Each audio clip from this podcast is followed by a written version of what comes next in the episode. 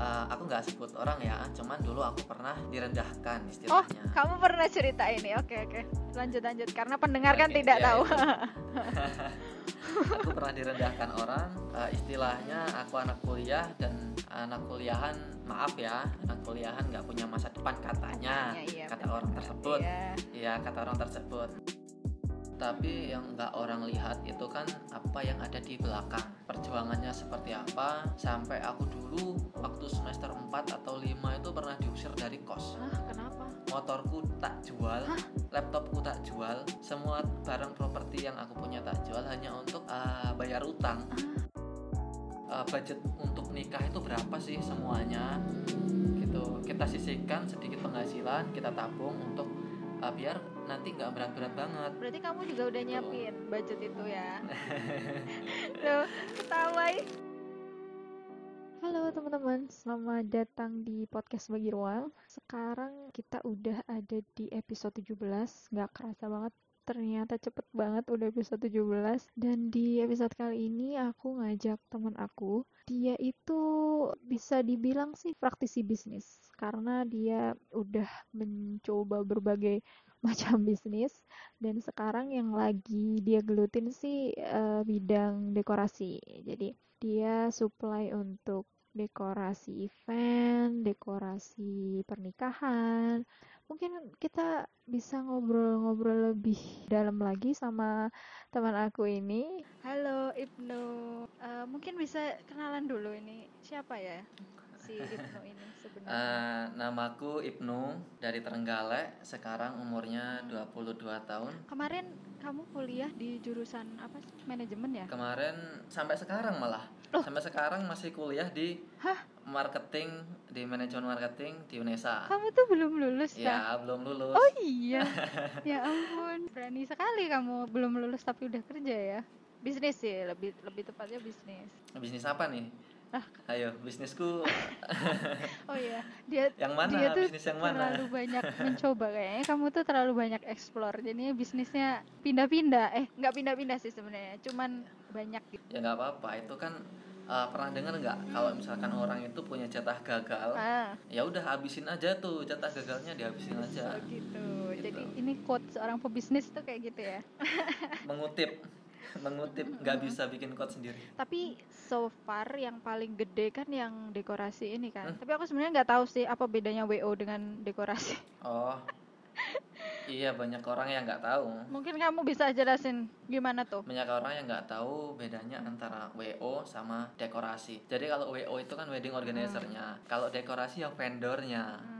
Jadi vendor dekorasi Oh, dia yang oke. punya properti gitu jadi kadang-kadang ada WO yang ke dekorasi gitu Hmm, berarti kamu bukan WO, cuman vendor doang. Eh, kalau sekarang belum Oke. kalau sekarang belum oke, kita nggak tahu ya kalau ke depan ah. mau jadi oh, Kamu eh, sebagai vendor ini eh, berdiri sendiri kah atau ikut WO beberapa gitu? kalau vendor rata-rata berdiri sendiri malah biasanya WO yang nggak punya properti Mm-mm-mm. Nah, makanya biasanya tuh kan aku juga eh, baru sih mengenal dunia WO ini soalnya ada teman aku yang dia juga punya WO kan. Nah, itu tuh dia kan WO, pasti mencari vendor-vendor gitu-gitu kan. Nah, itu kan ada kayak Hmm. istilahnya apa sih? Yang perjanjian gitu loh atau atau kamu tuh ada perjanjian kerjasama dengan WO kah atau lebih banyak Iya, ada sendiri gitu? Kalau di Trenggalek sini ya, ini kan ngobrolin di Trenggalek. Nah, dekorasiku Mm-mm. itu kan areanya Trenggalek, Tulungagung, sama Kediri. Kediri, ha, betul. Tapi sebenarnya seluruh uh, Indonesia pun juga bisa sebenarnya.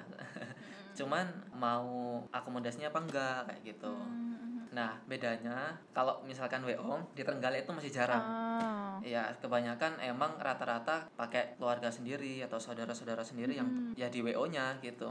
Jadi kalau misalkan spend uang untuk eh, sewa jasa WO itu kayaknya di sini masih masih kurang deh, masih eman istilahnya ya.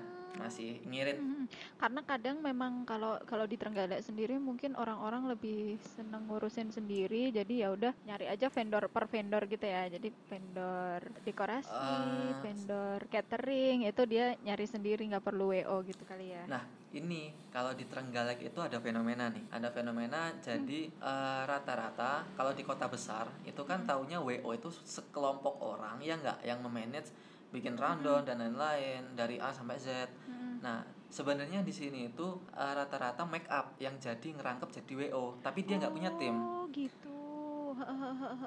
Iya iya iya. Soalnya aku pernah tahu sih dia memang make up itu kan kayak ngurusin segala apalagi kalau adat Jawa ya. Kalau adat Jawa kan pasti ada apanya lah, apa yang urusan perintilan-perintilan itu memang dari MUA ya. Heeh, Bener bener Mm, bener. Jadi rata-rata mereka pun sebenarnya nggak punya properti ya sama aja, tapi mereka itu jualnya per paket. Mm-mm. Mereka itu mainnya di harga paket. Hmm. Sedangkan Aska dari awal pertama keluar, awal awal mula muncul Hmm. itu sama sekali nggak pernah ngeluarin paket. Pernah sih ngeluarin sekali, tapi di- dikira kurang efisien. Jadi ya sudah nggak sekarang sampai sekarang nggak ada paket lagi. Apa kok nggak efisien emang? Karena Aska dekorasi ini kan sebenarnya nggak cuman mengejar istilahnya mengejar uang ya, mengejar penjualan nggak. Jadi kami itu di sini benar-benar memegang konsep seni. Jadi kita itu lebih mengeksplorasi seni. Kalau misalkan dijual per, per, per paket, itu pasti kita nggak bisa jual seperti eksplorasi diri sendiri itu nggak bisa, nggak bisa Hmm, kreatif nggak bisa, ya kan? Nah, soalnya sudah ada paket yang benar-benar paten itu sudah ada gitu. Oke, iya iya. Berarti itu sekali pakai kah atau gimana sih dekorasi yang ada di SK? Rata-rata ya, rata-rata eh, klien minta konsep A, kita bikinin, kita produksi. Nanti setelah acara pun kan pasti sudah berubah lagi gitu, pasti sudah ganti konsep lagi. Nggak mungkin kita simpan, soalnya kalau kita simpan nanti barangnya numpuk Iya, gitu. bener. Tapi wah itu banyak sampah juga ya berarti jadinya. Karena kan itu styrofoam styrofoam Iya, gitu nggak sih? Iya, Terus kita pakai styrofoam. detail detail banget. Aku kan juga sering ngeliat di IG-nya Aska kan. Itu keren banget detailnya yang dari ornamen-ornamen itu wah, harus dibuang gitu aja. Hanya untuk acara berapa Enggak. jam gitu. Sebenarnya nggak dibuang sih ya. Terus? Sebenarnya kalau misalkan satu kali pakai bisa dimodifikasi lagi tuh. Ah, Yang konsep A bisa dimodifikasi jadi konsep B. hmm, gitu jadi kalau benar-benar nggak bisa dipakai benar-benar udah nggak bisa dimodifikasi baru kita Oke, buang iya iya iya. Kayak karnaval juga itu kan zaman Agustusan kan juga kayak gitu kan Iya. dekor dekor-dekor kan. udah berapa tahun ya udah dua tahun tiga tahun ini Aska Dekorasi selalu ikut karnaval Oh. dan selalu juara Oh iya. Itu itu karnaval sebagai umum kah atau mewakili suatu instansi? Eh, mewakili jadi mau mewakili suatu instansi ataupun sekolah ya biasanya sekolah ataupun Wah. dinas Oh berarti itu bisa jadi apa ya perlebaran diversifikasi bisnis guys. Oh bisa ke cara karnaval. Anyway itu tadi kita sneak peek sedikit kan. Tapi aku penasaran nih kamu awal mula kenapa akhirnya bisnis dekor ini tuh apa yang mendasari itu? yang mau yang Emang mimpinya di sini atau Hmm. passionnya gitu? mau yang formal apa yang nggak formal cerita cerita perusahaan apa ceritaku sendiri Ceritamu sendiri aja, ceritamu sendiri biar Oke, lebih oke, gitu. oke, gini aja. Kalau misalkan dari cerita perusahaan Mm-mm. itu pendirinya ada tiga orang, ada tiga orang, tetapi pencetusnya itu satu, saya, aku. Pencetusnya itu aku yang eh, mengusulkan sampai yang merencanakan itu semuanya aku. Da- Mm. Jadi dulu ceritanya gini nih, Hmm. eh, aku nggak sebut orang ya, cuman dulu aku pernah Oh, kamu pernah cerita ini? Oke, oke. Lanjut, lanjut. Karena pendengar kan tidak tahu. Oke, ya itu.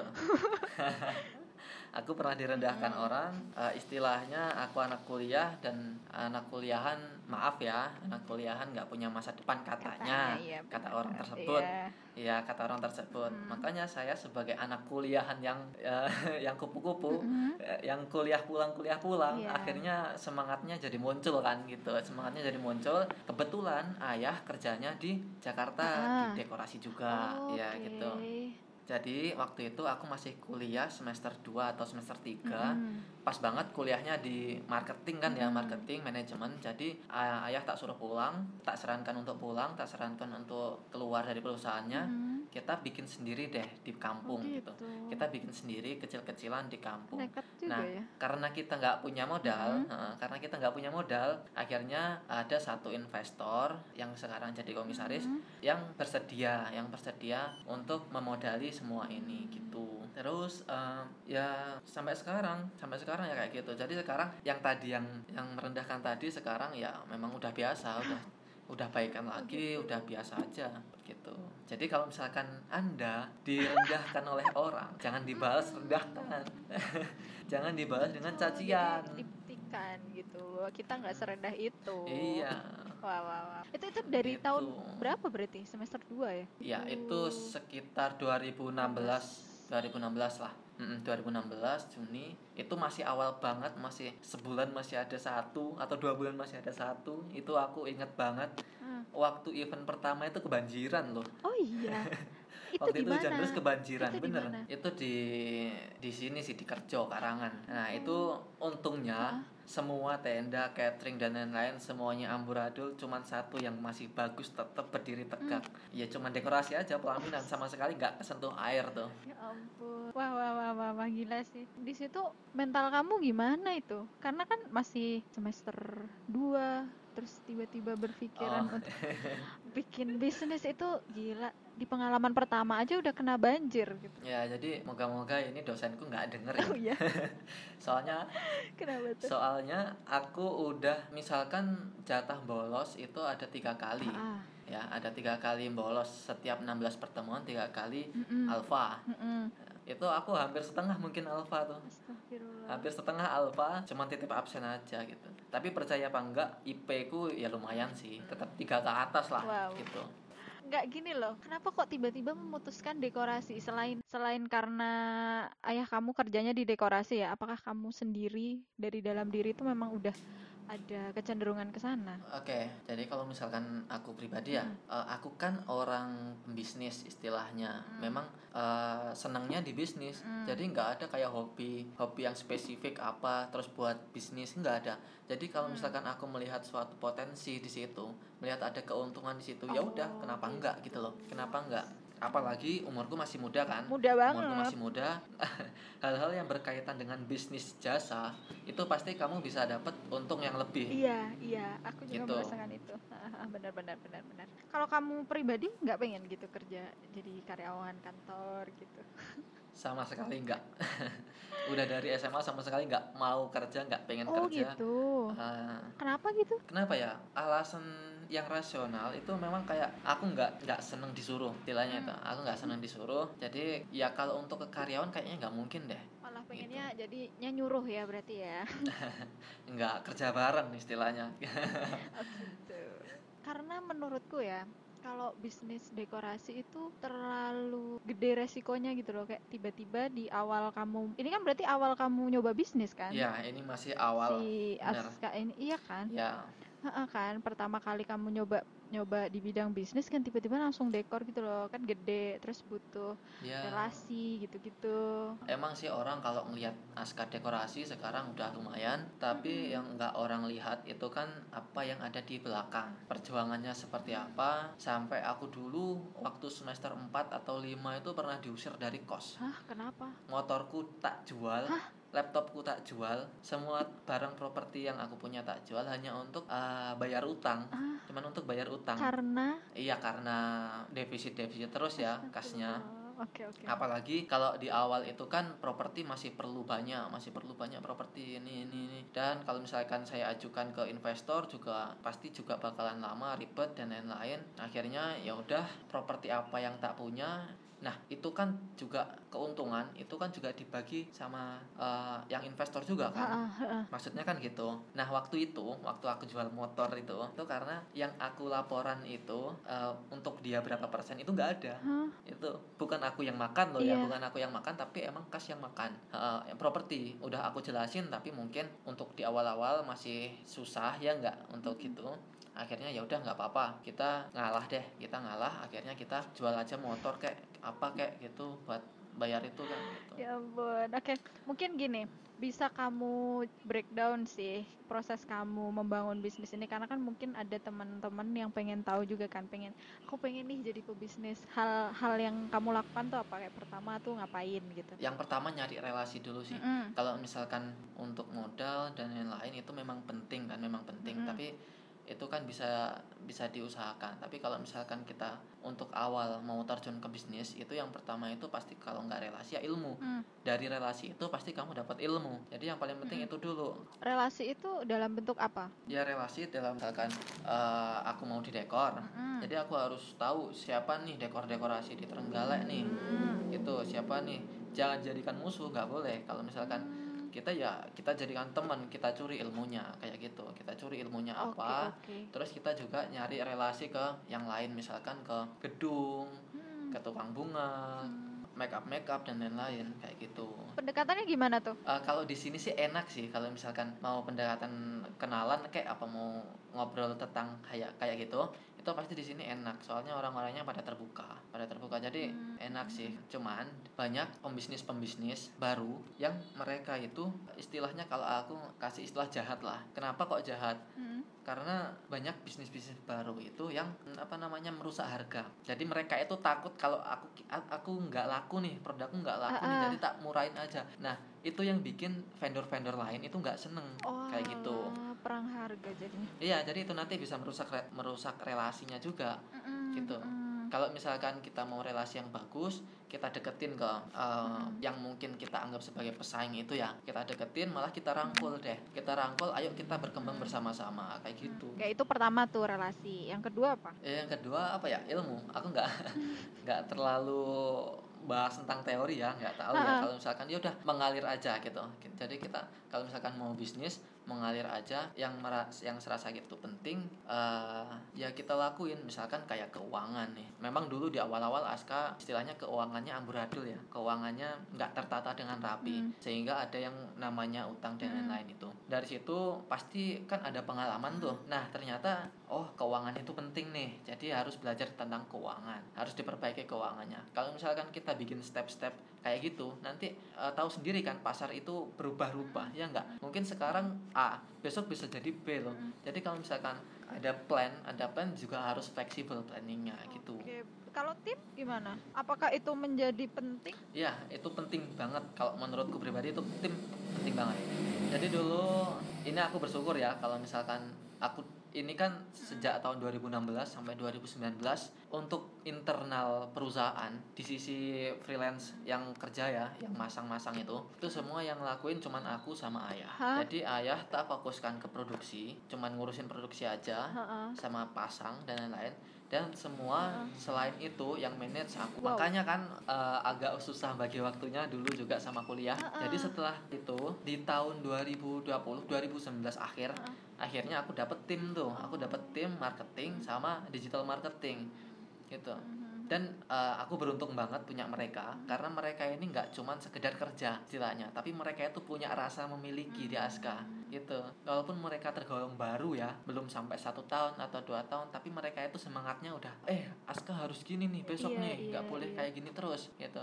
Dan itu yang bikin beruntung. Terus lagi untuk freelance freelance yang aku pekerjakan yang bagian masang itu rata-rata aku ambil dari usia yang muda 25 tahun ke bawah. Jadi mereka nggak cuman kerja mereka itu punya otak-otak yang kreatif. Iya, iya, iya. jadi kalau misalkan desain nih mereka nggak punya nggak cuman cukup untuk pasang ini pasang itu nggak. Jadi tetap ada nilai seninya di situ. Oh bagusnya kayak gini nih. Oh ini nggak bagus harus kayak gini. Kayak gitu. Dan aku pun nggak terlalu kaku tentang konsep. Jadi misalkan di konsep yang tertulis itu seperti A seperti ini tapi ketika mereka ingin berkreasi ah, ah, pak ini bagusnya kayak gini mas ini bagusnya kayak gini. Nah nanti bisa dipertimbangkan membebaskan oh ya ya udah pasang gitu. Nanti aku yang urusan sama klien gitu. Hmm Oke oke oke. Berarti kamu dari awal 2016 sampai akhir 2019 tuh yang kayak iya, marketing, iya, finance itu kamu sendiri berarti ya, Ya ampun. Iya bener. Yang yang edit edit, yang keuangan juga semuanya itu. Astagfirullah. ya, ya ampun, itu pusing banget, gila sih. Dan nggak cuman nggak cuman itu ya. Walaupun uh, aku kerjaannya kayak gitu tapi kalau misalkan waktu pasang waktu pasang di gedung A misalkan ya udah lepas lepas apa namanya pakai kaos hmm. pakai training ya udah angkat besi ikut rangkai dan lain-lain jadi uh, kebersamaannya juga masih ada di situ speechless aku. Oke oke oke. Tapi menarik banget sih. Aku kira kamu ada tim gitu loh. Ternyata cuma berdua doang. Uh, tapi kalau dari selama kamu di Aska ini pernah gak sih kayak nemu klien yang rese atau yang banyak mau? Kan biasanya kan ada kan kalau yang menuju pernikahan kan pasti banyak mau. Bradzilla namanya. Ada sih ada. Tapi nggak banyak ya. Oh. soalnya di sini tuh di Trenggalek tuh masih bener-bener kekeluargaannya masih dipegang. Oh ya yang namanya musyawarah masih dijunjung ya kan? Mm -hmm. tapi ada. Gimana ada tuh? satu dua orang yang emang bener-bener Nah, jadi ada yang pertama nih, ada yang mintanya aneh-aneh padahal budgetnya nggak seberapa. Udah kita edukasi tapi malah apa ya ngomel-ngomel kayak gitulah istilahnya. Jadi ya udah emang kalau misalkan kita emang banyak yang ngasih free-free kayak gitu banyak ya. Tapi kita juga tetap kasihan sama yang pasang gitu loh kalau Iya. misalkan kebanyakan free-nya kayak gitu. Kita udah kasih free banyak nih. Oh minta lagi mas minta lagi kayak gini gini oh itu nanti yang masang nggak ada loh malah tak gituin masang nggak masang nggak ada terus ada lagi nih, ada lagi yang klien itu super detail super detail banget Gimana tuh? biasanya di sini tuh jarang ya yang detail-detail itu Oh. biasanya jarang. Eh, lebih ke nyarah nyarah gitu loh manut Oh. tapi ada juga yang minta yang detail mas warna bunganya harus ini Waduh. warna bunganya harus biru sedangkan warna biru itu di bunga itu jarang, Jarang. malah kayaknya nggak ada warna biru itu. Akhirnya ya kita ada sih cara mensiasatinya memang ada kayak disemprot Oh, apa cat itu cat gitu. untuk khusus. Iya, ada ada cat untuk bunga khusus untuk bunga ada. Ya udah kita kita kasih tuh warna biru misalkan. Terus ada lagi yang minta masalah lighting juga ada. Kenapa emang? Kan rata-rata di di gedung Trenggalek ini kan gelap istilahnya. Mm, mm, mm, mm. Be- Beda sama gedung-gedung di Jakarta atau Surabaya Iya. itu kan terang. Kalau di sini tuh gelap, sedangkan lighting yang aku pakai itu benar-benar terang. Hmm. Jadi kalau misalkan orang mau ngefoto, apalagi ngefoto pakai HP ya, Heeh. itu pasti backlight Iya, nggak iya. kelihatan cuma bayangan benar, aja benar, itu Bener-bener. Oh terus itu protes. itu cuma bayangan aja nah itu protes keras itu kemarin ngomel-ngomel lah ini jadi akhirnya waktu acara ma- masih mau mulai sih acaranya masih mau mulai kita kasih tuh lampu dua di depan pelaminan pas Hmm. Ya emang terang waktu di foto emang terang tapi kasihan kliennya kasihan pengantinnya Iya. itu kan sulap soalnya Panas juga gak Heeh. sih? Kena sorotan gitu iya terus. panas juga. Mm-mm, gitu Waduh lucu-lucu juga ya ternyata. Jadi kalau misalkan ada aduan kayak gitu, kalau misalkan ada orang ngomel-ngomel kayak gitu, rata-rata memang kami kalau misalkan masih ada waktu, masih ada tenaga, memang kami usahakan, kami usahakan untuk memperbaiki. Tapi kalau misalkan udah tidak ada waktu, mungkin nanti kita kasih arahan, kita kasih edukasi dan lain-lain. Nanti kita musyawarahkan setelah event seperti itu. Tapi rata-rata sih nggak ada, jarang sih kayak gitu. Yang setelah event komplain itu nggak ada, belum ada, malah Oh, belum iya. ada. Oh alhamdulillah, alhamdulillah. Nah, alhamdulillah jangan sampai ada, oke? Itu pemasangan berarti hamin satu gitu ya? Udah mulai Rata-rata nyiap-nyiapin. hamin satu, hmm, benar. Rata- ra- Rata-rata hamin satu. Kalau kalau proses dari meeting, dari eh, persiapan gitu-gitu ya biasanya berapa lama? Berapa hari? Oh, untuk persiapannya. Heeh. Kalau kita ngomongin persiapan ya, Heeh. persiapannya dari sekarang. Oh, berarti memang selalu selalu nyiapin gitu atau gimana sih? Enggak, ini untuk klien apa untuk vendor nih? Untuk kamu. Jadi maksudnya barang-barang kamu itu loh, dekor-dekor itu. Oh, minimal ya, minimal order gitu ya. Hmm. Minimal order ya, Hmm. mungkin kemarin ada yang hamin sebulan memesan dekor. Hamin sebulan loh. Oh, hamil sebulan. Hamin sebulan. Oke. Dan kalau misalkan itu konsep benar-benar rumit, itu nggak nggak bisa hamin sebulan nggak bisa. Cuman karena konsepnya nggak terlalu rumit, konsepnya Hmm. sederhana, akhirnya oke nggak apa-apa hamin sebulan. Iya. Tapi kalau ngomongin klien persiapan, Hmm. eh, persiapannya ya dari sekarang, ya nggak nabung maksudnya bro. Benar, iya kalau itu dari sekarang. Iya, setuju. Yang kalau itu dari sekarang nabung. Jadi rata-rata emang banyak orang yang nabungnya itu kalau misalkan udah pengen nikah gitu, Because udah ada pasangannya. terlalu gitu. mendadak kayaknya. Padahal itu eh, terlalu mendadak kalau menurutku. Jadi misalkan dari sekarang udah kita pikirkan tuh eh, budget untuk nikah itu berapa sih semuanya. Kita sisihkan sedikit penghasilan, kita tabung untuk eh, biar nanti nggak berat-berat banget. Berarti kamu juga udah Gitu. nyiapin budget itu ya. Tuh, ketawa tapi tapi ada nggak sih yang kayak nyicil atau utang atau gimana? Oh ada. Karena kan ini banyak gak sih? Banyak kan. Sekarang tuh fenomena di mana kita tuh nikah yang harus kelihatan mewah di luarnya, padahal di dalamnya kita nggak mampu gitu loh. Itu gimana kamu? Eh, banyak Semua banyak. ada. Namanya murah sama mahal itu kan perspektif orang beda-beda. Betul. ada yang menganggap itu murah ada yang menganggap itu mahal nah jadi kita kembalikan ke diri pribadi kita sanggup ke mana bagi aku murah kok ya udah nggak apa-apa silahkan ya nggak